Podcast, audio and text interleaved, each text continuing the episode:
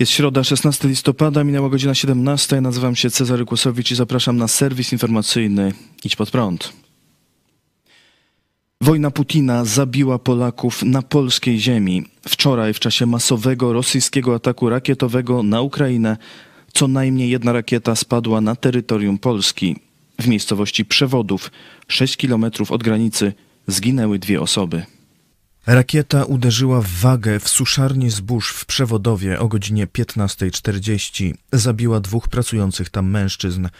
Świadkowie mówią, że słyszeli dwa wybuchy w odstępie kilku, kilkunastu sekund.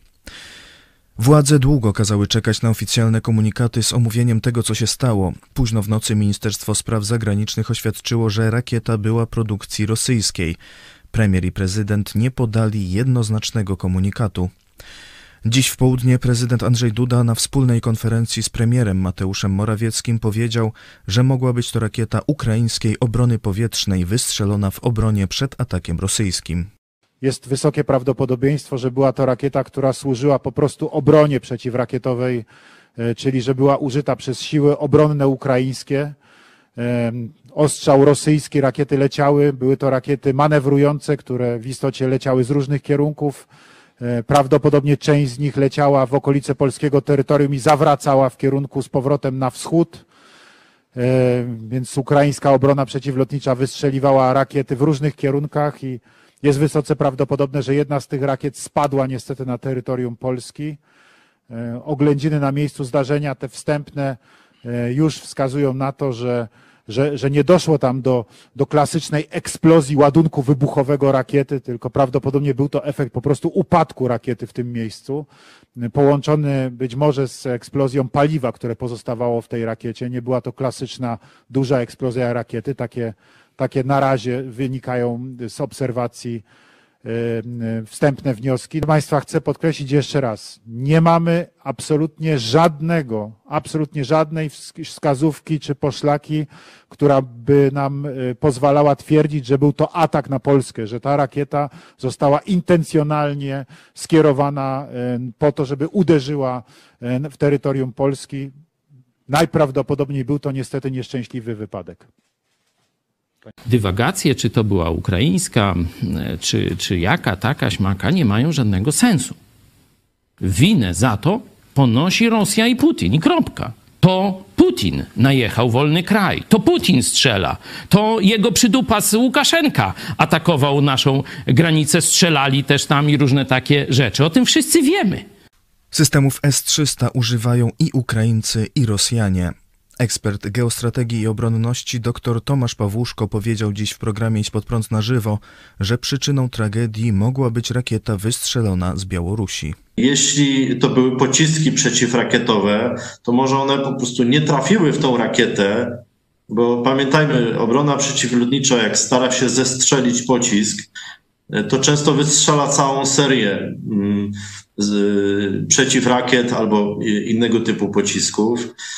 I one nie wszystkie trafiają, więc próbuje się kilka razy i może być tak, że no, te dwie sztuki z całej salwy gdzieś się zapodziały i trafiły y, no, w tą naszą no, przysłowiową stodołę. Szkoda, że ktoś musiał zapłacić za to życiem. To był nieszczęśliwy wypadek prawdopodobnie. Ale znów, to oznacza, że rakiety prawdopodobnie wystrzelono z terytorium Białorusi. Dlatego oprócz wezwania ambasadora Rosji na dywanik, uważam, że należałoby to samo zrobić z ambasadorem Białorusi, bo Białoruś bierze udział w tym konflikcie e, i udostępnia swoje terytorium właśnie dla wystrzału rakiet. E, I ta, podejrzewam, wystrzelona rakieta z Białorusi mogła być e, no właśnie takim no, zaczynem całej tej sytuacji nieszczęśliwej. Sekretarz Rady Bezpieczeństwa Narodowego i Obrony Ukrainy Oleksij Daniłow przekazał dziś, że Ukraina ma dowody na rosyjski ślad.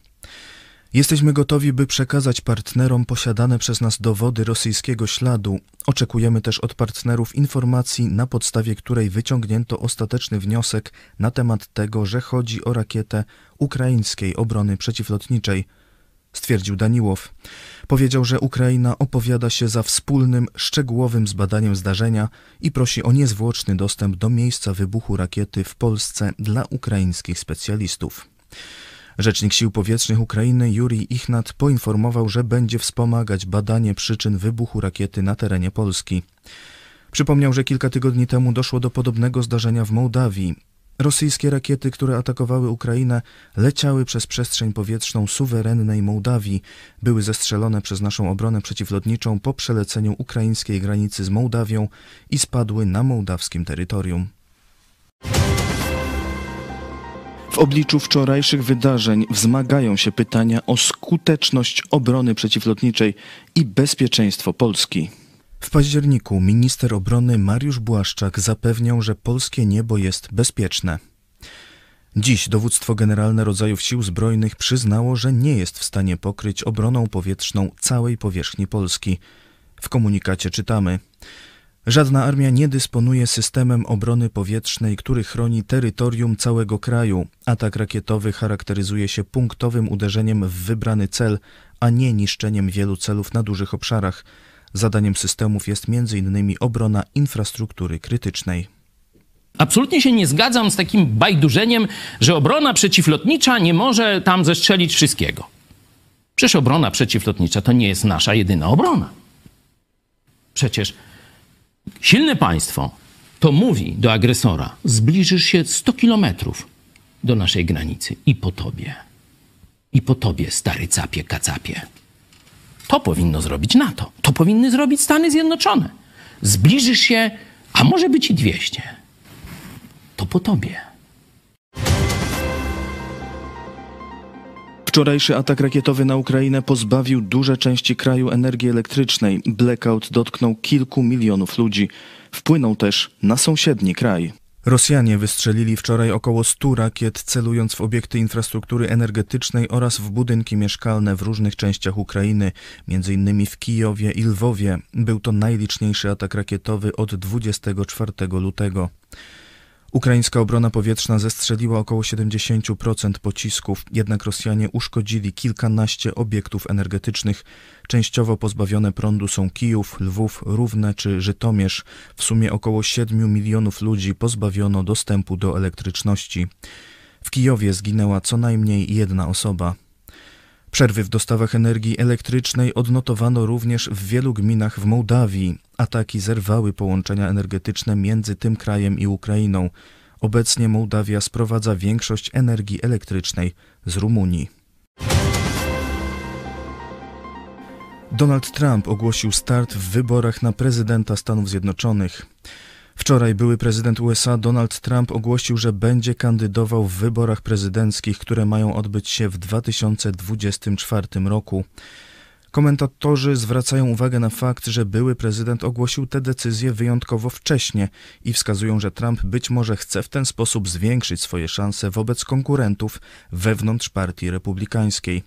O kandydaturę z ramienia tej partii prawdopodobnie powalczy m.in. z gubernatorem Florydy Ronem DeSantisem. Trump podczas przemówienia zaatakował obecnego prezydenta Stanów Zjednoczonych Joe Bidena, zarzucając mu doprowadzenie do sytuacji grożącej wybuchem wojny nuklearnej. W tym kontekście Trump wspomniał też o rakiecie, która wczoraj wybuchła na terytorium Polski i zabiła dwie osoby. Joe Biden odpowiedział publikacją krótkiego wideo pod tytułem Donald Trump zawiódł Amerykę.